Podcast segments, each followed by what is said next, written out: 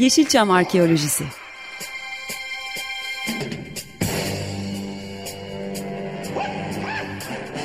Türk sineması ve Yeşilçam'ın besin kaynakları, emekçileri ve kıyıda köşede kalmış hikayeleri.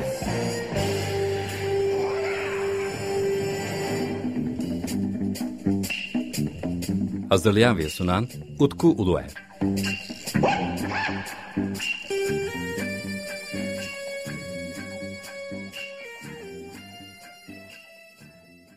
Merhaba değerli Açık Radyo dinleyicileri. Yeni bir Yeşilçam Arkeolojisi programında da sizler birlikteyiz. Tuncer Çetinkaya bu haftaki konuğumuz. Efendim hoş geldiniz. Merhabalar, selamlar. Tuncer Çetinkaya e, çok değer verdiğim bir e, sinema yazarı. Hem de kendisi çok önemli de bir e, mücadelenin arkasında yer almıştı. Türkiye'de sinema dergisi çıkartmak çok zor bir olay. Ve Azim'le Modern Zamanlar dergisini devam ettirdi. Son dönemde gözlemlediğim kadarıyla başka projeler de başlamış sanırım. Onları da sizden dinlemek isterim. Söylediğin gibi 12 yıl boyunca Modern Zamanlar Sinema Dergisi'ni çıkardık. Amatör bir ruhla ama e, hani Altın Portakal gibi kökleri yarım yüzyılı aşan bir festivalin düzenlendiği bir kentte bir sinema dergisi çıkarmanın e, önemli olduğunu düşündük. Ve e, buradaki bir grup akademisyen, yazar ve e, çizerle birlikte e, editörlüğünü üstlendiğim bir proje oldu. E, söylediğin gibi böyle e, fanzinin belki bir tık üstü olarak başlayıp süreç içerisinde çeşitli kurumlarında sahip çıkmasıyla e, en azından Antalya tarihinin şu ana kadarki en uzun süreli yayını oldu. E, bizde de bir doygunluğa do, e, ulaştığı için aslında e, 48 sayı sonra sürdürebilecekken bir mola vermeyi istedik. Son olarak da yaklaşık 700 sayfalık bir seçkiyle e, Modern Zamanların Türk Sineması Yazıları adlı kitapla e, bir virgül koyduk. Şu anda bir başka derginin editörlüğünü üstleniyorum. E, Ant Sanat adını verdiğimiz sanatın tüm dallarını ar arasında sinemanın da olduğu genel bir sanat dergisi projesinin e, üçüncü sayısı henüz yayınlandı. E, üç ayda bir de böyle bir çalışmanın içindeyim. Muratpaşa Belediyesi'nin desteği ve katkılarıyla. Yani çok önemli çünkü gerçekten dergi çıkartmak Türkiye'de yani fanzin de desek, dergi de desek yani herhangi bir basılı yayın, matbuyu çıkartmak ülkemizde çok zor ve yani beş sayıyı aşan çok az dergi var. Onun da altını çizmek gerekiyor. Doğru. O yönden evet, önemli. O, o yönden çok önemli ve yani bu kalıcı olması da benim açımdan çok değerli. Ayrıca 700 sayfalık bir kitaba dönüşmüş olması da ayrı bir arşiv çalışması. Evet. Ee, sanırım bazı yazılar orada daha genişletilmiş oldu. Değil mi? Genişletilmiş oldu. Ee, sadece o seçki için aldığımız 3-4 yazıyla beraber aslında bir Türk sinema tarihi, gayri resmi bir Türk sinema tarihinin de e, bütün dönemeçlerini ele almaya çalıştık. E, güzel bir çalışma oldu sizinle hani yüz yüze böyle ciddi ciddi oturup tanışmamız aslında bundan 8 ay olmuştu. Bir yıl. Bir, bir yıl oldu değil mi? Doğru doğru. Ya öyle bir tarih Hı. ve ya konuştuğumuz, görüştüğümüz zaman da işte yanımızda Ali Can Sekmeç vardı ve diğer tarafımızda Aga Özgüç vardı. Ee, öyle güzel bir olay hani gerçekleşti. Benim için çok gurur verici bir noktaydı. Çünkü yani üç tane sinema araştırmasında gönül vermiş insanla birlikte oturdum çok teşekkür ederim sizlere ve sizin sayenizde ben çok güzel bir projeden haberdar olmuş oldum. Özellikle sizinle hem e, o proje üzerine konuşmak istiyorum. Agözgüç ile ilgili proje üzerine ama bir de gerçekten de Agözgüç çok önemli bir isim. E, Türk sinema e, tarihi açısından onu yazan, onu araştıran e, isimlerin önünde gelen bir isim ve e, siz de hani böyle onunla ilgili bir kitap projesine girmişsiniz. İsterseniz en baştan başlayalım. Hani nereden çıktı bu hikaye ve daha sonra nasıl geldi ve sizin onunla olan dostunuz? Utku tekrar çok teşekkür ederim. Ee, hem bu olanak için hem de biz seninle fiziki olarak e, yeni tanışsak da yıllardır birbirimizi tanırız. Aynen. Yıllardır üretimlerimizden haberdarız. Ee, senin de Türk sinemasına olan katkılarını e, ta takip ediyorum. Sosyal medya çok fazla yapılmayan işler üstelik bunlar. Bu anlamda da e, ben de senin çabanı takdirle karşıladığını belirtmek isterim. Teşekkürler. E, Agah abiye gelecek olursak, e, Agah Özgüç 2000'lerin ortalarında tanıştım. Biraz geç bir tarihti e, aslında bu. Modern zamanların ilk sayıları idi. Biz e, duayen isimlerle bir arada olmak istedik. Onlara biraz projemizden aslında e, bahsetmek istedik. Ve bunun içinde en güzel kanal Altın Portakal Film Festivali'ydi. E, süreçte buraya gelen konuklarla e, tanışıp sohbetler ediyorduk. E, o yılda e, çok iyi hatırlıyorum derginin üçüncü sayısıydı. Atilla Dorsay, Burçak Evren ve Agah Özgüç. Beni bulan aslında Agah abi oldu. E, sormuş, e, modern zamanları duymuş. Çok daha yaygın bir İstanbul'a dolaşan bir dağıtım ağımızı geliştirdik. E, orada beni çağırdı ve e, dedi bir dergi çıkarıyor musun görmek istiyorum diye. Tabii ki dedik biz e, dergiyi verdik. Çok hoşuna gitti. E, ilk etapta görüş ve düşüncelerini bizlere söyledi. Böyle bir dostluk başladı ve sonra da e, kişisel olarak süreç içerisinde çok gelişti. E, benim sinema yazını dahilinde tanımaktan onur duyduğum e, ve ne yazık ki bugün hayatta olmayan üç isim var. Çok mesaim oldu bu isimlerde. Öncelikle Veysel Atayman. Kendisiyle zaten modern zamanları çıkardık. Yayın danışmanlığımızı yaptı. Çok uzun yıllar çok güzel bir dostluğumuz oldu onunla. Ee, sonradan da pek çok yayına da imza attık. Halen de sürdürüyoruz. Ayrıntı yayınlarının bastığı Popüler Sinemanın Mitolojisi iki cildi çıktı. Son bir cilt daha yapacağız. O ortak çalışmamızdı onunla. Ee, Rekin Teksoy yine bir başka büyük ustamızdı. Son 6 ayında ben beraber oldum.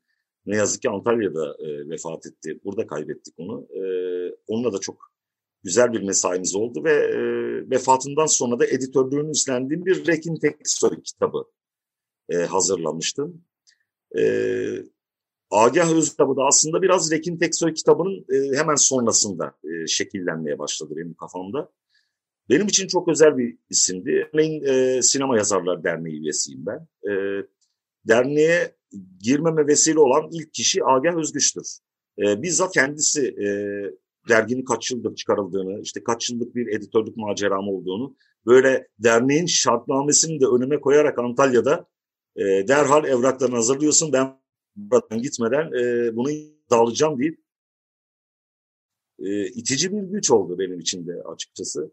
E, benzer bir süreç Arıcan'la da yaşadı. Mesela Arıcan da daha sonra Yuvan arkadaşlarımızdan birisi. Ona da yine aynı şekilde böyle bir destek verdi. E, ve Rekin Teksoy kitabının çıkmasının hemen ardından artık sen varsın sırada Agi abi dediğimde e, bir süre düşündü tabii bir yıl kadar. E, ama sonra kabul etti bu projeyi. E, ve Agi Özgüç kitabına böyle başladık. Benim için e, sinemayı okumaya başladığım yıllardan itibaren zaten tanışmasam da üretimlerini çok sıkı takip ettiğim, inanın bir başka e, ülkede böylesine önemli bir değer yitirilse e, üzerine sayfalar dolusu yazılacak, e, en üst kademelerde, devletin üst kademelerinde de adı anılacak bir isim olur. E, bizde birazcık e, sessiz sedasız oluyor bu işler gerçekten. Evet. E, halbuki Türkiye'de sinema yazımının ve magazin gazeteciliğinin aslında tartışmasız en büyük duayeni e, Agah Özgüç'tür. Bu ülkede onun işte 60'lı yıllardan itibaren çıkan tüm sinema dergilerinde ve magazin basınında yer almadığı yayın organı neredeyse yok gibidir. Kendisi içinde yer almasa bile bir şekilde onu bulup arşivini talep ederler. Her projede mutlaka haberi olurdu kaç ay sonra hangi sinema kitabının çıkacağını ben çoğu zaman Agi abiyle sohbetlerimizden şu şöyle bir proje içerisinde falan diye bunları anlatırdı. Çok berrak bir hafızası vardı. Ee, en son Malatya Film Festivali'nde bu sene beraberdim. Ee, biraz da dernek yönetimi bana teklif ettiğinde e, Malatya Sinema Yazarlar Derneği jürisini ben bir talepte bulundum kendilerinden. E, o sırada İstanbul'daydım çünkü. E, dedim Agi abi de eşlik etsin bana. Diğer bir jüri üyesi de bir başka duayenimiz Engin Ayşe'ydi. E, ve ailecek de zaten çok sık görüşen bir ikili e, onlar. E, bu ikiliyle beraber seve seve görev alırım dedim. E, sağ olsunlar yönetim de kırmamıştı ve e, çok güzel bir dokuz gün geçirdik biz Malatya'da Engin abi ve e, Agi abiyle beraber. E, ve anılarımızı daha da perçinledik. E, kitap projesi ise geçen yaz başlamıştı hatırlıyorsan. E, seninle de görüşmüştük o süreçte ve e, biraz daha yol kat etmemiz gerekiyordu o konuda. Yani kitabın yaklaşık yüzde altmışını e, bitirdik. Ama kotaracağız. Çünkü gerekli notlar bize zaten yol göstermişti. Yani o anda hatırlı, hatırlayamadığı anekdotları bile belirtmişti. Nereden e, edinebileceğimizi kendisi o anda hatırlayamasa bile o kadar ilginç bir profil var ki aslında Utku. Hani ne söylense e, hakkında hep bir şeylerin eksik kalacağı insanlar vardır ya. Evet. Bunların başlıcalarından birisi de Agah Özgüç'tü. Orhan Kemal'le, e, Atilla İlhan'la dostluklar, aslında bir şair olarak başlıyor serüveni. E, daha sonra magazine oradan geçiş yapıyor. Sonra sinemada unutulmaz dostluklar, unutulmaz kavgalar, Metin Erksanlar, Yılmaz Güneyler. Şimdi e, bugün bakıyorum Yılmaz Güney'in cezaevinde yazdığı mektuplarda genelde mektuplar en sonunda da Agah'a selam diye bitiyor. Yani o kadar bir dostluk var ki e, onu vurgulamadan da edemiyor. Mesela Nihat Behram'a falan yazdığı mektuplarda hep bu var. E, Metin Erksan'la unutulmaz anıları vardı. Ben bastım bunların e, bazılarını. Hatta şemsiye ile kendisini kovalamasına kadar Metin Erksan'ın. Yani e, dost o, o kadar ileri boyutta ki. Sonra sinemaya kazandırdığı kitabımızda yer vereceğiz. Oyuncular var. E, bizzat yönetmenin yanına götürüp refere ettiği e, isimler var. Şöyle bir şey vardır aslında. Antalya'da bir e, şehir efsanesi gibi bir şey vardır e, Aga Özgüç tanımlanırken biliyorsun Altın Portakal Film Festivallerini en sıkı takipçisi Aga Özgüç olmuştur. Hı hı. Hemen hemen her, her yıl buradaydı. E, galiba iki yıl boykot yemiş. Buranın yönetimi o zamanki Antalya Belediyesi e, yaptıkları magazin haberlerinden dolayı biraz da yönetime dokundurdukları için muhtemelen sansürlemişler kendisi ve Antalya'ya girişine yasak koymuşlar. Bir boykot burada e, evet söz konusu olan. E, yaptığı haberler dolayısıyla Antalya Belediyesi'nin yetkilileri e, biraz da kendilerini eleştirmeden dolayı bir kısım gazeteciyi e, Antalya'yı yasaklıyorlar. Agi abi de e, buna rağmen e, hatta küçük bir direniş sergileyerek festivale tekrar dahil oluyor. Tabii burada 60'lı yılların böyle ortalarından söz ediyorum. 64, 65, 66 yani ilk 3 yılı 4 yılı festivalin bir köy ortamında adeta geçiyor gelen konukların dahi barakalarda kaldığı Konyaaltı sahilinde ki bir süreçten söz ediyoruz. Burada şöyle bir anekdot anlatılır. Jüri toplantıları o yıllarda özellikle Altın Portakal'ın ilk 10 yılı çok büyük sansasyonlarla geçmiştir. E, bu festivalin tarihinde kalan birisi olarak çok net bir şekilde söyleyebilirim. Biraz e, yerel yöneticilerin, e, belediye yetkililerinin Cannes Film Festivali'ni model alarak Hatta böyle İstanbul'dan falan mankenler, dansözler getirerek böyle Konyaaltı sahilini şenlendirmek istemeleri, yapımcıların ise kendi aralarındaki tartışmaların ve kavgaların Antalya üzerinden şekillendiği bir dönemden bahsediyoruz. Yani festivalin organizatörleri başka bir dertte kenti tanıtmak istiyorlar, bir turizm nesnesi haline dönüştürmek istiyorlar. Yapımcılar ise e, burayı bir e, arena gibi görüp muhtemelen e, kozlarını biraz da Antalya'da paylaşıyorlar. Bunun çok örneği vardır. Ödül gecelerinde kavgalar, tartışmalar biz en çok da Agi abiden okumuşuzdur yani bunları. Ben festivalin tarihini kaleme alırken buradaki ödül törenleri özellikle ilk 10 yılda dönemin belediye başkanı Avni Tolunay sürecini kastediyorum. E, genellikle hep tartışmalı, olaylı geçmiştir. Bazı politik skandal skandallar da çok e, meşhurdur o dönemin Altın Portakalı'nda. E, abi bu yıllardan itibaren Altın Portakalı muhtemelen Türkiye'de en çok takip eden sinema yazarı ve magazin gazetecisi anlamına geliyor aynı zamanda. Kimi zamanlarda boykot yemiş. Mesela e, dönemin yerel yönetimini eleştirdiği için festivaldeki organizasyon bozukluklarını Antalya'ya girişinin yasaklandığından bahsetmişti. Biz bunu e, yayınlamakta olduğum Ant Sanat Dergisi'nin son sayısında son yazı olarak e, en son yazısını biz e, yayınlama olanağı bulduk. Altın Portakal anılarını anlatmıştı bize. E, bir anlamda bu e, 58-59 yılın e, genel bir özetini yapmıştı. E, yani boykot yemiş bir gazeteci ama yine de Antalya'ya gelmişler ve e, o boykotun ardından da yönetim kendilerini affetmiş, festivali tekrar takip etmişler.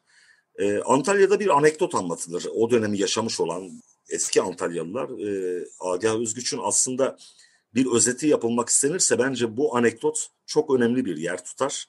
Jüriler toplantı yapıyorlar. Sonra diyelim ki yemek molası veriyorlar. Agah abi odaya süzülüyor çaktırmadan, e, etraftakilerin haberi olmadan ve çöpleri falan karıştırıyor. Bana e, son buluşmalarımızdan birisinde şunu demişti. Orada öyle belgelere eriştim ki, öyle şeyler buldum ki inanamazsın demişti. E, aslında o gayri resmi tarihini festivalin yazarken e, bu anekdotların ne kadar önemli olduğunu anlamıştım. Benzer bir şey ilk afiş toplamaya başladığı süreçler içinde söz konusudur. Herkesin sinema işletmecilerinin, e, hatta işte makinistlerin, gişecilerin deli mi bu adam dediklerinden bahsederdi e, kendisi için afişleri istemeye gidiyor. E, sonradan biliyorsun çok kıyılı bu afişler. E, bugün hatta erişilmesi çok zor ve e, büyük meblağlarla e, bu işler gerçekleşiyor. Ve ben eminim ki bunların çok büyük bir kısmı böyle tedavülde olan afişlerin çok büyük bir kısmı Agah Özgüç'ün bahset e, bu e, içinde olduğu bu furyadan etkilenerek bunu gerçekleştirmişlerdir. Çünkü muazzam bir koleksiyonu vardı, afiş koleksiyonu. E, daha da kıymetlisi bunları bizzat hayatın içinde yaşayarak gidip kendisi minderek e, elde etmişti. Şimdi Kadıköy'deki sahafların birçoğu çizgi romancılar falan Agi abi biliyorsun çok çok iyi tanırlar. Evet. Halen e, birkaç yıl önceye kadar da lobi kartları kendi arşivinde olmayanları sık sık takip ederdi. Yani Türkiye'de resmi kurumların sessizliğe büründüğü, sinemayla ilgili hiçbir tasarrufların olmadığı bir dönemden söz ediyoruz.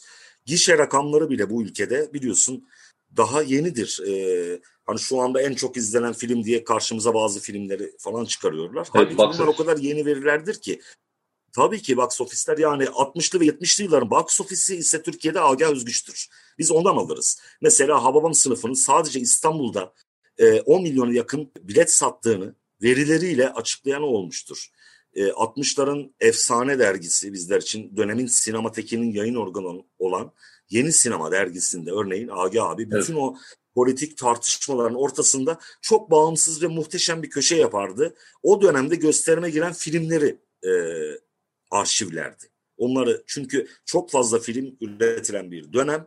Devletin herhangi bir organı bunları kayıt altına kesinlikle almıyor ve bu işleri e, düşünsenize sadece Agah Özgüç gibi isimler yapıyor. Evet. Yani sinemamıza verdiği emek o kadar büyük ve kıymetli ki e, bu sessizlik ortamında yani tek araştırmacı olması, e, işini özenle yapması bunlar e, anlatılır gibi değil. Yani bir başka ülkede Agah Özgüç e, kalitesindeki bir insan kaybedilmiş olsaydı inanın bundan herkesin haberi olurdu. Yani size en fazla etkiledi, İnan, etkileyen yönü hangisi? Hangi yönü? Evet. Tutkusuydu. İnanılmaz bir tutkusu vardı. Halen yani e, çıkan, yeni çıkan filmler izleyemediği bir film yoktur Agi abinin. Mutlaka yapımcısını bulurdu. Eğer o festivale katılamamışsa mesela pandemi döneminde Hı. düşün e, gidemediği festivaller ya da izleyemediği filmler olmuştur. Bunları bir şekilde ulaşırdı yapımcısına. Yapımcılar da nezaket gösterirler onun saygınlığından dolayı. Filmin bir kopyasını, bir DVD'sini ya da işte e, online ortamda kendisine gönderirlerdi ve e, sohbetlerimize sık sık e, şu bu filmi henüz izledim, evde izledim e, vesaire derdi. Bu tutkuyu düşünsenize yani Agi abi biz 90 yaşında kaybettik.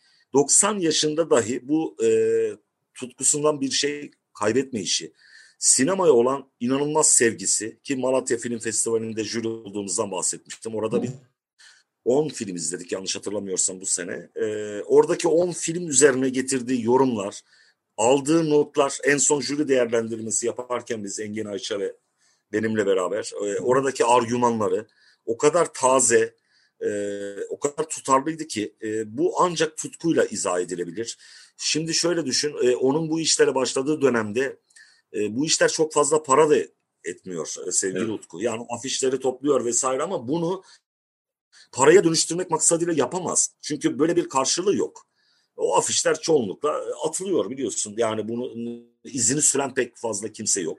Ya da vizyona giren filmlerin bütün böyle künyelerine kadar araştırma, ona yazdığı yayın organlarında aldığı cüzi ücretler dışında e, başka bir şeyle izah edilemez. Yani sadece para burada motivasyon asla söz konusu bile olamaz evet. yani. Çok daha başka bir iş yapabilirdi. E, ama çok büyük bir tutku gerçekten de. E, buna şapka çıkarmamak e, olanaklı değil. E, inan e, günümüzde teknoloji bu kadar gelişmişken, her şeye erişim bu kadar kolay olmuşken, e, o zahmeti çekmek söz konusu bile değilken bu tutku çok az insanda var bence. Orada bir ekleme de yapmak istiyorum. 90'ların sonunda afişçi Mustafa vardı. Ve ben o, o dönemden 90 90'ların sonunda afiş toplamaya başladım ben de o yıllarda. Ve ben Mustafa abiye gidiyordum. Ee, Mustafa abi bazı afişleri ayırıyordu. Özellikle üst tarafa koyuyordu. Bir de benim bu fantastik filmlere olan ilgimi çok iyi bilirdi. Birkaç kere dikkat ettim böyle kovboy filmlerini koymuş. Hatta onlardan bir tanesi şeydi bir çuval e, para için hatta filmi. Çok istemiştim o afişi. Hı hı. Ondan sonra e, ve bana şey demişti. Kimin için demişti. Hani bir yere ayırmış belli. Aga Özgüç için demişti. Onu, onu söylemem gerekiyor. Hani bazı afişler için hani benden önce davranmış, izini sürmüş ve bahsettiğim şey yani 90'ların sonu, 2000'lerin başı. Ee, sonra bazı afişlere sahip oldum ben ve arkasında bir damga vardı onların. Bir oradan bir mühür konmuş. Aga Özgüç arşivi diye. Bu da benim için e, yani çok değerlidir. Yani şu anda elimde e, onun arşivinde bulunmuş olan bazı afişler var. E, tabii çok önemli bir Harika. tutku evet. bu. Ama en azından hani böyle önemli bir arşivcinin de e, ve afiş koleksiyoncusunun da afişlerine sahip olmak tabii çok güzel bir duygu benim için. Kesinlikle. Şimdi e, onun da kökenli aslında biz kitapta e, buna da yer vereceğiz çocukluk yıllarında. Babası Fransız Fransız Başkonsolosluğunda bir memuriyet yapıyor. O da çocuk yaşlarda, çok küçük yaşlarda yani ilkokula bile gitmeden önce zaman zaman babasının yanında e, gidiyor oraya. Orada e, konsolosluğun deposunda e, Noel kartları bulmuş. İlk defa orada görmüş. Türkiye'de o zamanlar yok. Tabii bahsettiğimiz yıllar 30'lar 40'lar böyle. Evet. E, ve ilk defa o Noel kartlarını biriktirmeye başlıyor. Daha sonra da bir sonraki aşamada da e, ilkokul yıllarına geldiğinde dönemin e, cikletleri var. Şu anda e, notlarım yok yanımda. Evet. Adını hatırlayamıyorum. E, o cikletlerden çıkan kovboy kartları 10 bine yakın o kartlardan biriktirmiş ama. Yani o da muazzam bir rakam. yani böyle bir hep tutku, biriktirme tutkusu e, hep üst boyutta olmuş. Noel kartlarıyla başlayan serüven e, bir dönemde Türkiye'nin en büyük lobi kartlarına, e, afiş örneklerine sahip olan bir kimse olarak yolculuğunu sürdürmüş. Evet yani ben de lobi kartı koleksiyonu yapmaya çalışıyorum kendi çapımda. Yani benim o, o yönden baktığımız zaman üstadımdır kendisi. Ee, onun için de hani bu programda evet, evet. özellikle de hani onu anmış olmamız çok teşekkür ederim ben. Ee, tabii biz internet üzerinden bağlantı kurduk e, Tuncer Çetinkaya ile birlikte ve e, Zoom vasıtasıyla kaydediyoruz sohbetimizi. Yaptığımız sohbette bazı konuşmalarda böyle minik kaymalar olmuş olabilir. Şimdiden hani bizleri dinleyen e, Yeşilçam Arkeolojisi dinleyicilerinden çok özür diliyorum ben. Fakat çok değerli bir isim ve özellikle Agözgüç üzerine şu anda e, Ali Can ile birlikte bir kitap çalışmasındalar. E, benim için bu programda olması çok önemliydi. E, ben çok teşekkür ediyorum programa katıldığınız için. O programın en sonunda teşekkür ediyorum. Programın yani son bölümünde o zaman hani şu bilgileri almak gerekiyor sanırım diye düşünüyorum. Evet, şöyle yani görseli çok güçlü bir yap, yapmayı evet. tasarlıyoruz. Çünkü onun böyle yazdığı ilk şiirlerden, yazdığı ilk eleştirilerden, ne bileyim ilk çıkardığı kitabın ön sözündeki e, kalem aldığı yazıya kadar ve yine tabii e, böyle çocukluk yıllarından başlayarak e, fotoğraf albümüne de yer vererek e, bunları gerçekleştirmek istiyoruz. Biz geçen yaz başladık bu sürece e, ve e, aslında Agi abiyi çok seven, onu özel hayatında da çok çok iyi tanıyan iki isim olarak Alican Sekmeç e, zaten ben bayrağı devralan isimlerden birisi olarak görüyorum Alican'ı e, Agi abiden. Çok kıymetli Türk sineması üzerine yaptığı araştırmaları üstelik böyle kitaba da dönüştürdüğü için e, pek çok kitaba dönüştürdüğü için ciddi bir bellek de oluşturan kıymetli arkadaşım. E, aslında yüzde altmışlık bir bölümünü kitabını bitirdik. E, bazı rütuşlar var ve bu yıl içerisinde biz yayınlamak istiyoruz bunu. Kasım gibi, Ekim Kasım gibi. O 90. Evet. yaş armağanı aslında bizim niyetimiz buydu. Agi abi çok sağlıklıydı. Bunu da söylemek isterim. En son Malatya'da söylediğim gibi beraberdim. Ee, çok kendisini korurdu. Özellikle Covid döneminde çok iyi korudu kendisini. Evet. Ee, örneğin Malatya'dayken de biliyorsun işte böyle e, etkinliklerin sonrasında gecelere işte after party tarzı şeyler olur. Mesela onlara bile çok dikkat ederdi. Bir defa sadece götürebildim ben öyle etkinliklerden birisine. Hemen e, sağlıklı bir şekilde yemeğini yer, odasına geçer, uykusunu e, e, sağlıklı bir şekilde alırdı. Ne yazık ki e, bu kadar hassas olduğu bir konuda e, son anda e, böyle bir talihsizlik e, gündeme geldi. Birkaç eksiğimiz kalmıştı e, ama onlarda da söylediğim gibi bir yol gösterdi bize nereden edinebileceğimiz. Örneğin kişisel arşiv, bütün o e, sinema birikimi, koleksiyon tutkusu bir yana kendisi içinde kişisel arşiv oluşturmuş ender insanlardan birisidir Agah Özgüç. Yani yazdığı ilk metinler, kaleme aldığı yazılar bütün bunlara özenle arşivlemiş bir isimdir.